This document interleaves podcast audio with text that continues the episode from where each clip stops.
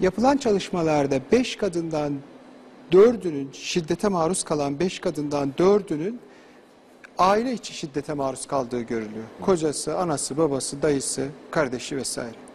Şimdi kadının şiddete maruz kaldığı yer aile. Kadını koruyacak bakanlığın adı Aile Bakanlığı. Nasıl olacak? Yani bir şeyi korumak için değil mi? Evet. Ya genelge yayınlıyorsunuz. İşte diyorsunuz ki ana, bacı vesaire filan deniyor. Bu- Bunlarda bir tu- tuhaflık var ama bir diğer taraftan da koruyacağımız yer aile. Bu arada tabii şunu da belirtmek lazım. Polisiye tedbirleri e, hafife almamak lazım. Yani bir önceki e, Fatma Şahin Hanım efendi döneminde çok önemli şeyler yapıldı. Yani bu kelepçe vesaire bunlar çok önemli. Şimdi evet bu dil değişmek zorunda. E, bu zihniyet değişmek zorunda. Ama şu anda şimdi beş kadından ikisi belki üçü bazı rakamlara göre enseste maruz kalıyor günde bir buçuk yüz- yüzde bir buçuk yani e, ortalama 435 olduğuna göre birden fazla kadın öldürülüyor. Bunu önlememiz gerekiyor. Yani polisiye tedbirler çok önemli. Hafife alamayız. E, çocuklar vesaire bu uzayıp gider bu liste. Şimdi burada en temel konu şu. Bu şiddet arttı mı? görünür mü oldu? Bu öyle kolay cevaplanacak bir soru değil. Bizde şiddet şu ankinden daha fazla olabilir. Görünür oldu. Sandığımız gibi öyle şiddet çok yüksek bir pik yapmamış olabilir. Bir de şu var, ekonomik özgürlük, bilinç, bilinçlenme, dolayısıyla e, bu meseleyi söyleme, ortaya atma, bütün bunlar da herhalde görünür olmasını da e, artıran e, faktör. Medya, sosyal medya hani çok kıymetli burada. Ee, etkili oldu. Bilinçlendirme, e, ne bileyim kadın cinayetlerini önleyeceğiz gibi platformlar ciddi destek oluyorlar. Çünkü konuşması zor bir konu bu. Diğer taraftan bazı meslektaşlar, pek çok meslektaşım bu konuda hata yapmıyor. Bir kere bir psikiyatrist ya da psikolog televizyonda gördüğü bir olaya bakarak bu kişide şu kişilik bozukluğu var, bu kişide şu hastalık var diyorsa ya psikiyatri ve psikolojiden çok az anlıyordur ya da hiç konuyla alakası yoktur. Bir kişinin yaptığı eylemi o gelip bize niye yaptığını anlatmadan tanı koyamayız. Bilimsel değil. Eğer size gelip anlatmışsa hastanızsa o zaman da etik değil. Konuşamazsınız. Ne yapmış olursa olsun. Etik olmayan zaten bilimsel de değildir psikoloji ve psikiyatride. En tehlikeli şeylerden biri de budur.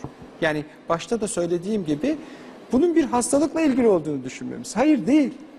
Şiddet yani bir fenomen, bir yapı olarak var bu toplumda. Ve çok yaygın olarak var. Yani Bazıları gerçekten herkesin yakın çevresinde görülür. Bazıları e, bazıları farklı yani eşine şiddet uyguluyor. Şimdi o zaman daha e, e, eksecere eden, uçlaştıran bir örnek vereyim. Hitler akıl hastası değildir. Hitler olabilmek için sağlıklı olmanız gerekir. Yani milyonlarca insanı katledebilmek belli bir disiplin ve plan içinde yapmanızı gerektirir. Bu da gerçeği değerlendirmenizi gerektirir. Gerçeği değerlendirmeyen biri planlı suç işleyemez. Bu kadar basit. Şimdi Hitler'i sorsak pek çok kişi hastadır. Değil. Değil. Yani suç işleyebilmek için sağlıklı olmanız lazım. Plan yapabilmeniz lazım. Bir niyetinizin, amacınızın olması lazım. Suç varsa karşılığı cezadır, tedavi değildir. Bu çok önemli. Neden önemli? Gerçeği görmemizi sağlayacak. Gerçeği gördüğümüzde rakamlar çok yüksek. Üçe bir falan. Evet. Üç kadından biri şiddete maruz kalıyor. Diğer taraftan hani bu eğitim, şu bu filan diyoruz ya. Kadına yönelik şiddetin ya da çocuklara yönelik şiddetin, hatta erkeklere yönelik şiddetinde iki nedeni üzerinde durabiliriz. Bir, bireysel boyutu vardır, bir de toplumsal boyutu Evet. vardır. Bireysel nedenleri değiştirmemiz zor. Onu konuşmamız gerekiyor. Birey düzeyinde tedavi gerekiyor. Ama toplumsal olanları değiştirebiliriz. Toplumsalın içine kültürel ve ekonomiyi de koyalım. Evet. Toplum mühendisliği demişti gerekiyor diye. Evet, kültürel olanda bir kişiye şiddet uygulayabilmesi için bir insanın o şeyin canlı ya da insan olmaması gerekiyor. Mesela durmadan telefonlarını duvara atıp kıran bir sürü insan var.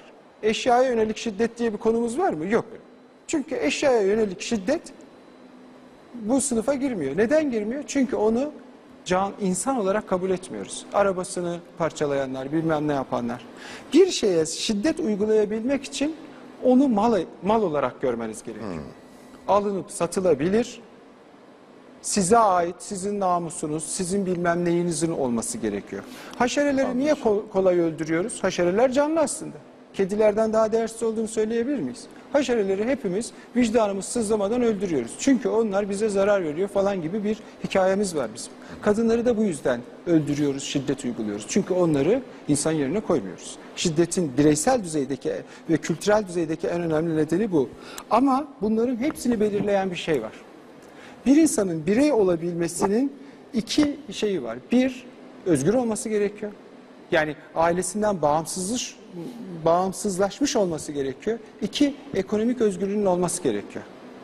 Hani bunları üfürmüyorum. Meraklı, Ekonomik özgürlüğü meraklı olsa dahi bir de ona da söyleyeyim. bozuluyor Otto yani. Rank çok Kabul önemli bir psikanalisttir. Onun normal, sağlıklı insan tanımı budur.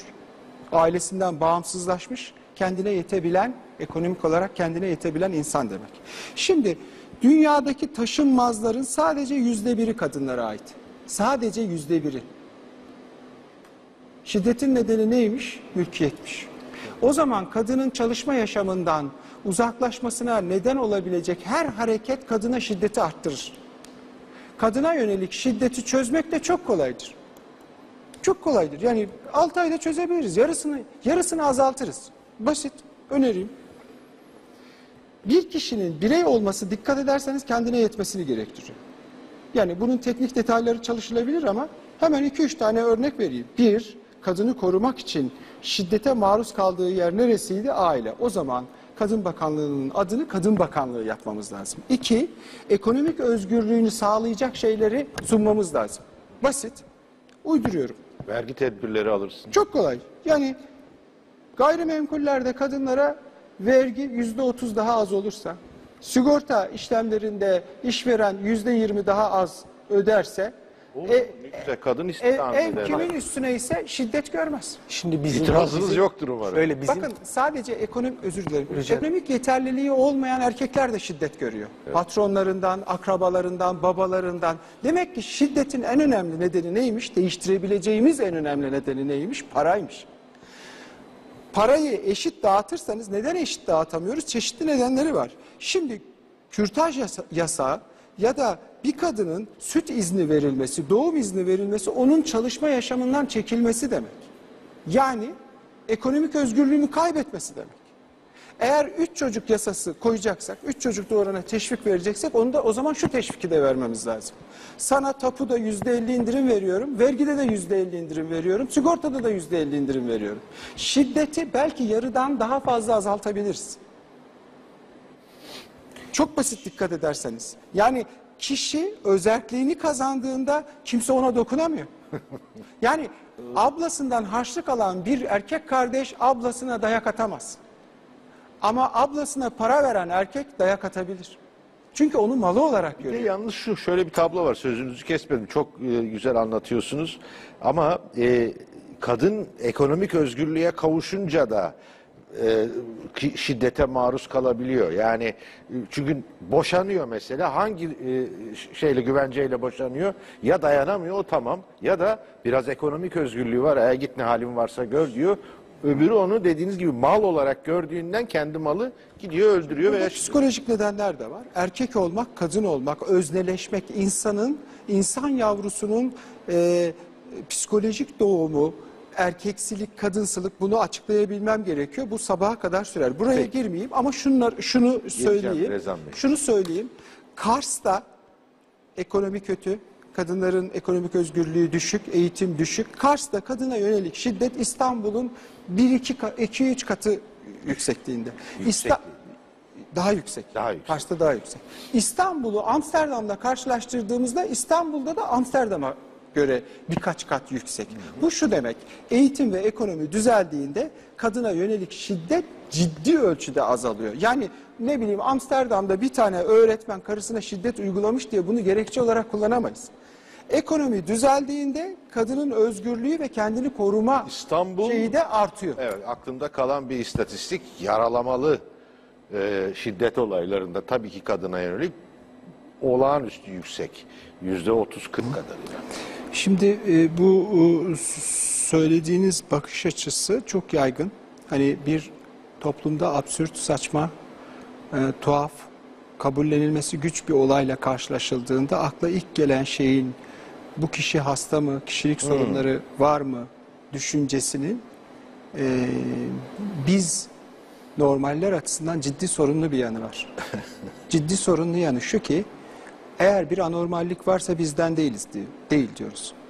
Akıl hastalarına da e, haksızlık ediyoruz. Onları da incitmiş oluyoruz. Yapılan çalışmalar akıl hastalarıyla normal zannettiğimiz insanların şiddet eğilimi, şiddet uygulama olasılıkları, sıklıkları eşit.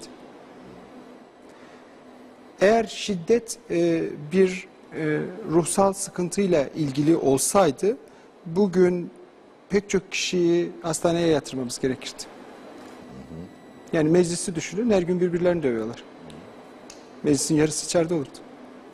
Şiddet uygulamak bir hastalık değil. Yani şiddet kim uygular? Hani doğada şiddet uygulayan tek varlık insan. Yani hayvanlar ihtiyaca binaen diğer varlıklara şiddet uyguluyorlar. Ya beslenmek için ya korunmak için. Ee, belki sorunuza şöyle cevap verebilirim biraz değiştirerek izninizle müsaade ederseniz. Estağfurullah. Ee, bireyden başlarsak, birey neden şiddet uygular? Bizim bir tasarımımız var. Hani bir e, temsilimiz var kendimizle ilgili. Ego diyoruz ya, yani benlik, ben dediğimiz şey. Türkçe'ye çevirirsek. Onunla ilgili bir şeyimiz var, temsilimiz. Ben şuyum gibi. Ona halal geldiğinde şiddet uyguluyoruz.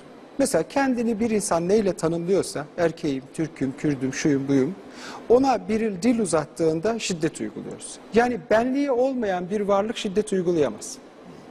Yani bu anlamda egosu olan tek varlık, ben de- deyince ayırmış oluyorum ötekinden, insan olduğuna göre şiddet insana hastır. Toplum düzeyinde bakarsak 10 kişiyi bir arada tutmak için aile olmak yeter mesela. Evet. Ama 100 kişiyi bir arada tutmak için ideoloji üretmeniz gerekiyor.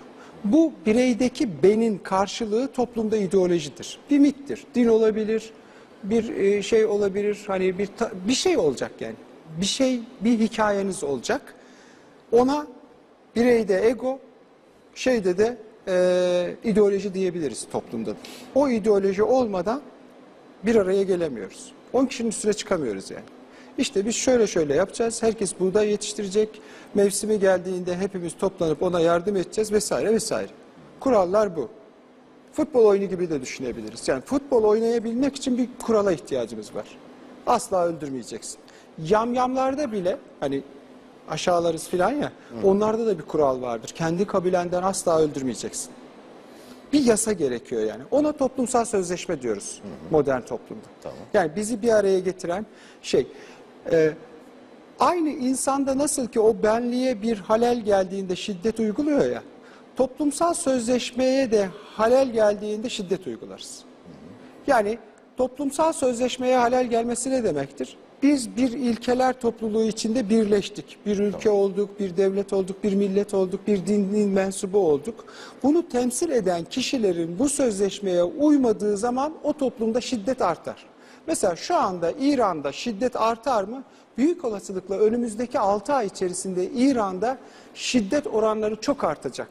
Çünkü toplumsal sözleşmeye uymayan bir yö- yönetim var dürüstlükten, ahlaktan, idealden bahsettiler, yolsuzluk yaptılar. İran'da önümüzdeki 6 ay içinde mm, bir insanla çalışan, sosyal bilimlerle ilgilenen, tıpla ilgilenen biri olarak böyle bir şey bekliyoruz. Mesela Amerika'da şiddet olayları niye arttı diye düşünürsek, çünkü başlarına bir adam geldi ve toplumsal sözleşmeye uymadı. Amerika'nın ana ilkesi neydi?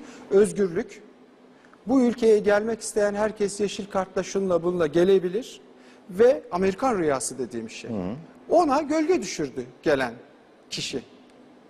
Bu ilkeyi. Evet, bu bu ilkeyi ihlal etti. Dedi ki ben artık herkese yeşil kart vermeyeceğim. Amerikan rüyası falan hikaye dışarıdan gelenleri almıyoruz dedi. Kendi içinde çatışmalar başladı.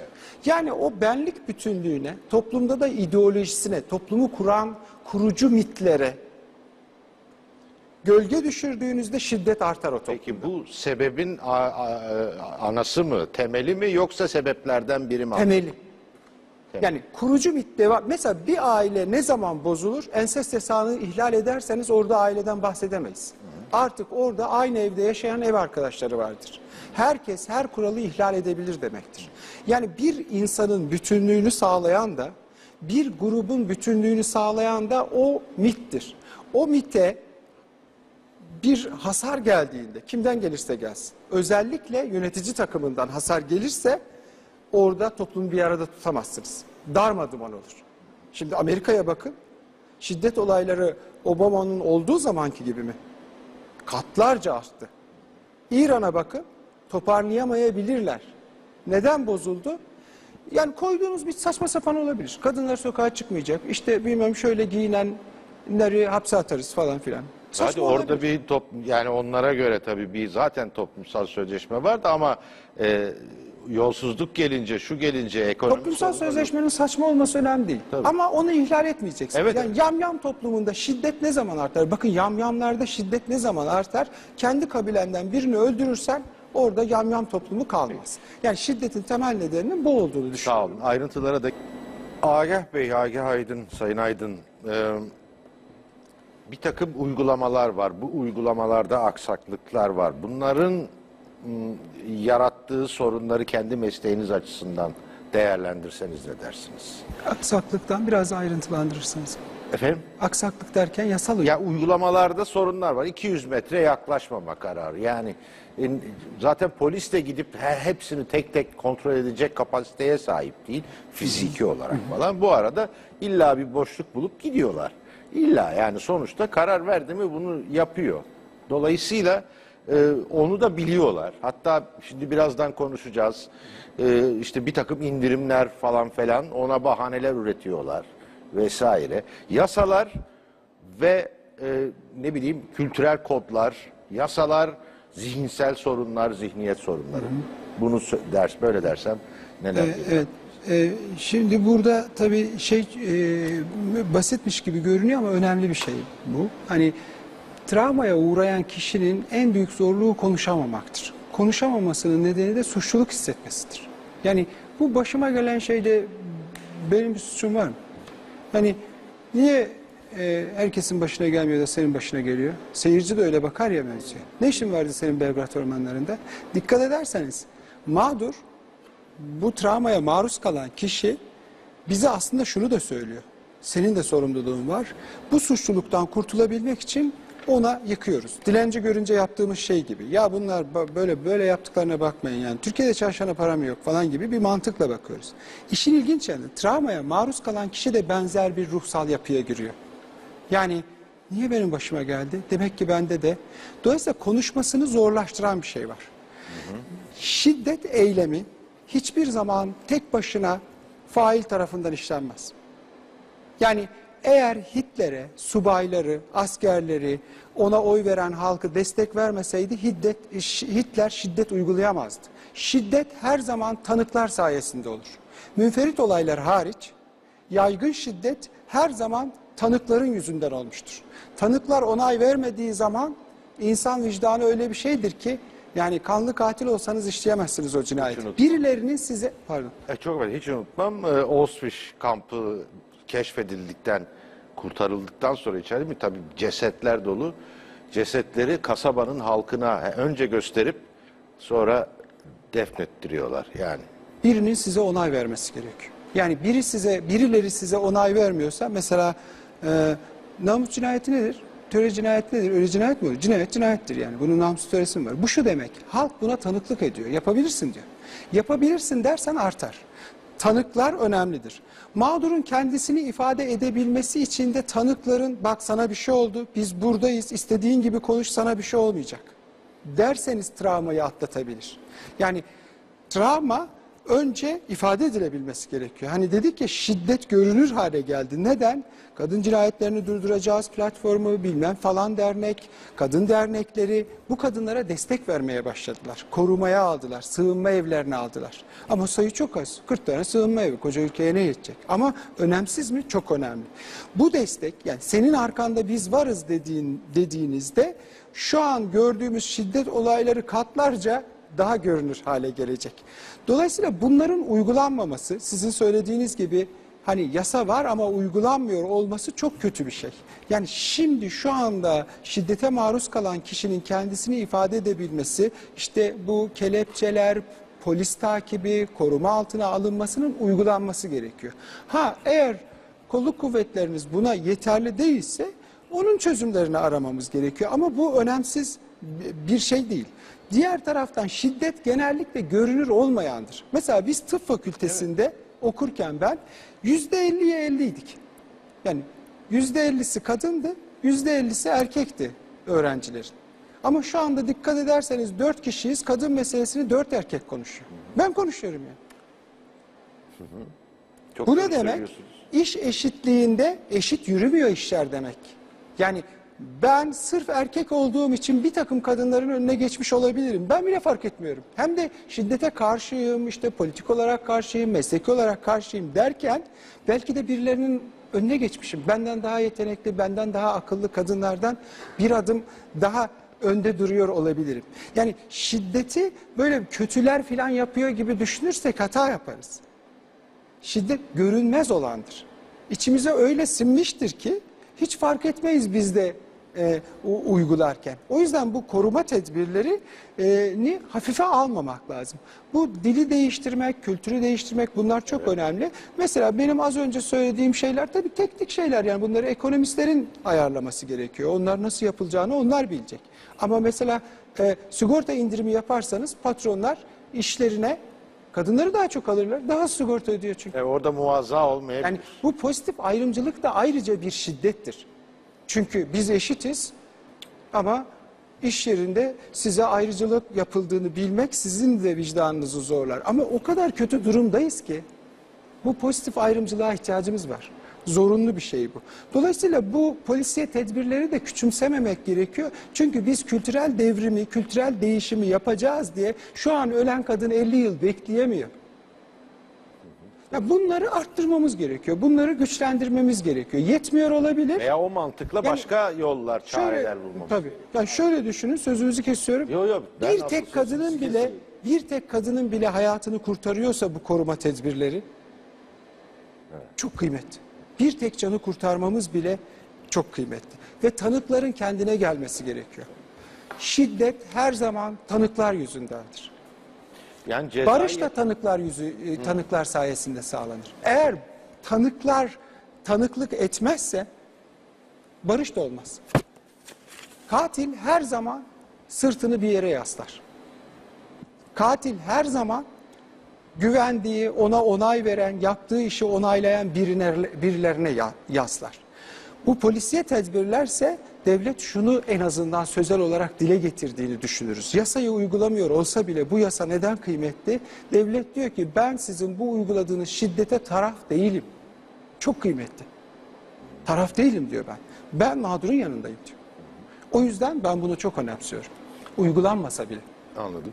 Ee, şiddet dedik, e, kadına yönelik şiddet üzerinde çok ağırlıklı olarak durduk. Son bölümdeyiz artık.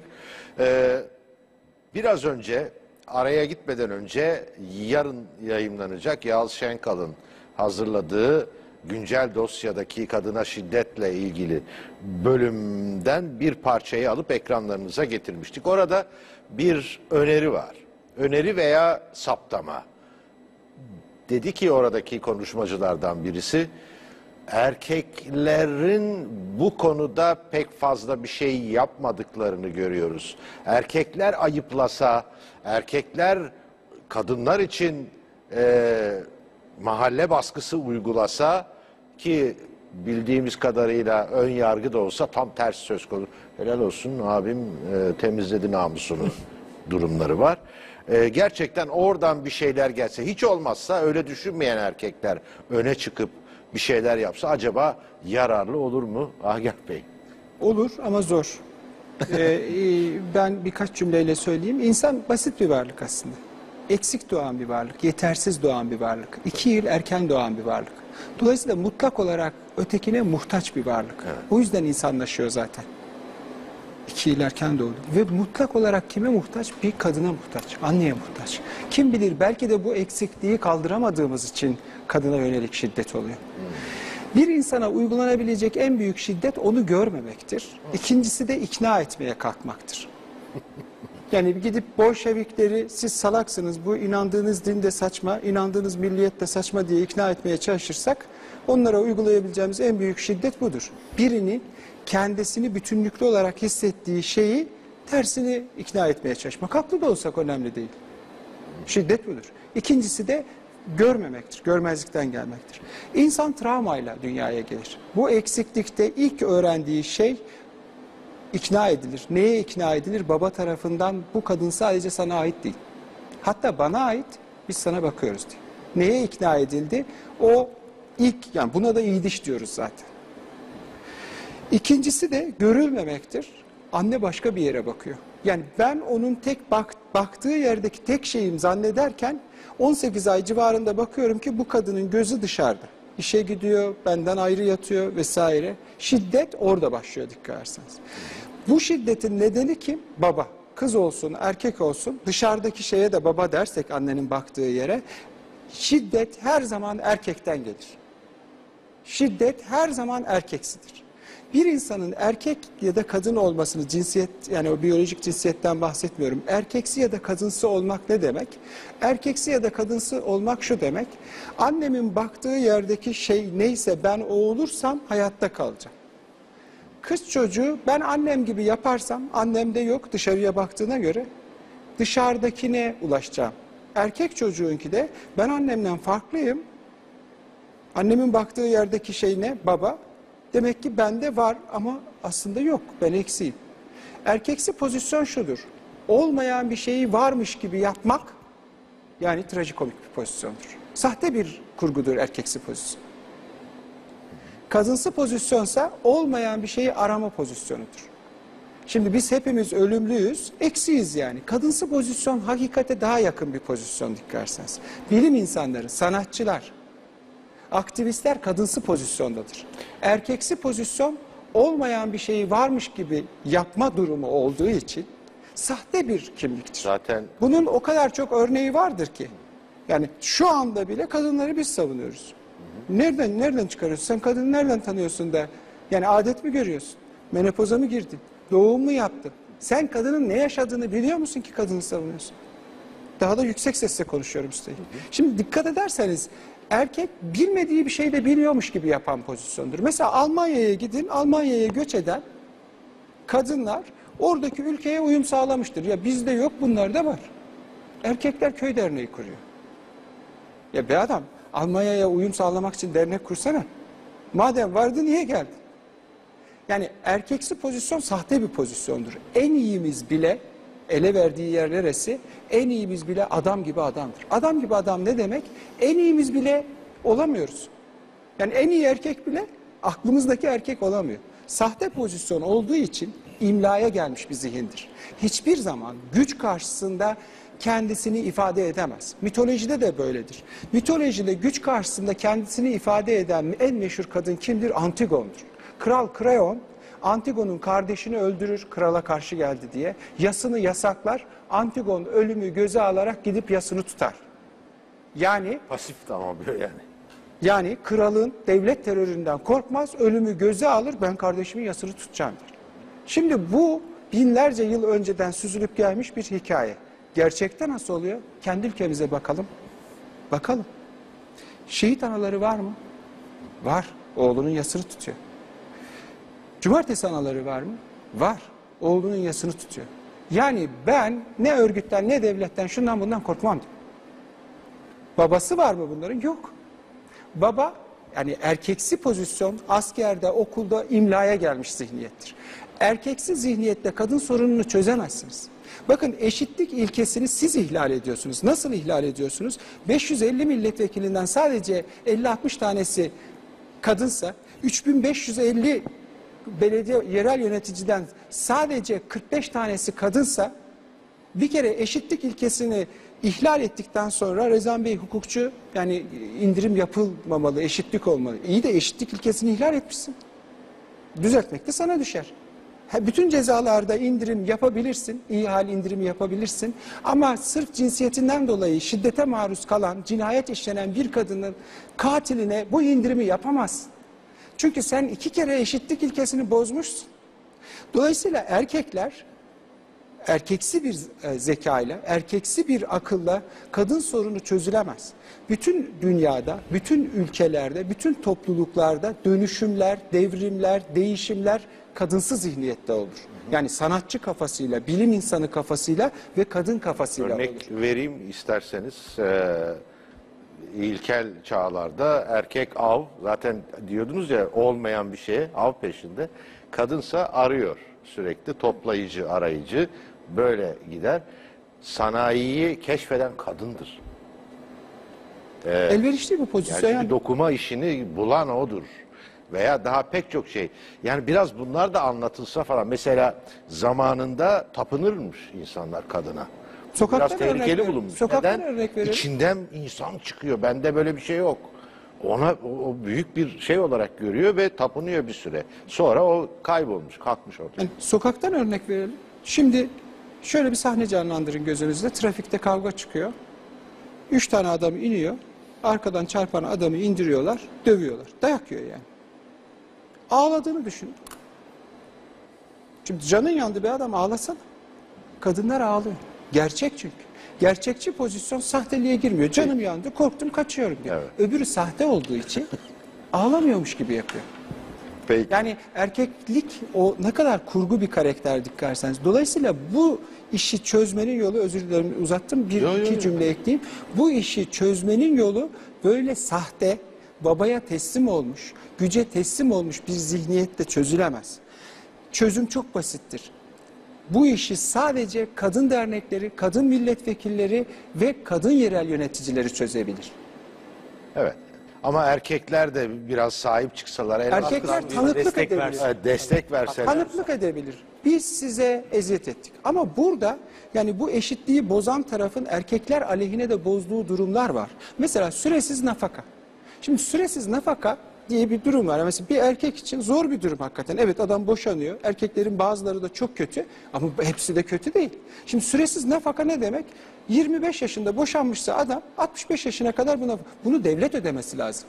Yani sen eşitliği bozduysan kadını ekonomik özgürlüğünden sen men ettiysen, sen 16 yaşında evlenmesine neden olduysan, birey olmasını, ekonomik özgürlüğünü elde etmesini sen engellediysen süresiz nafakayı devlet ödeyecek.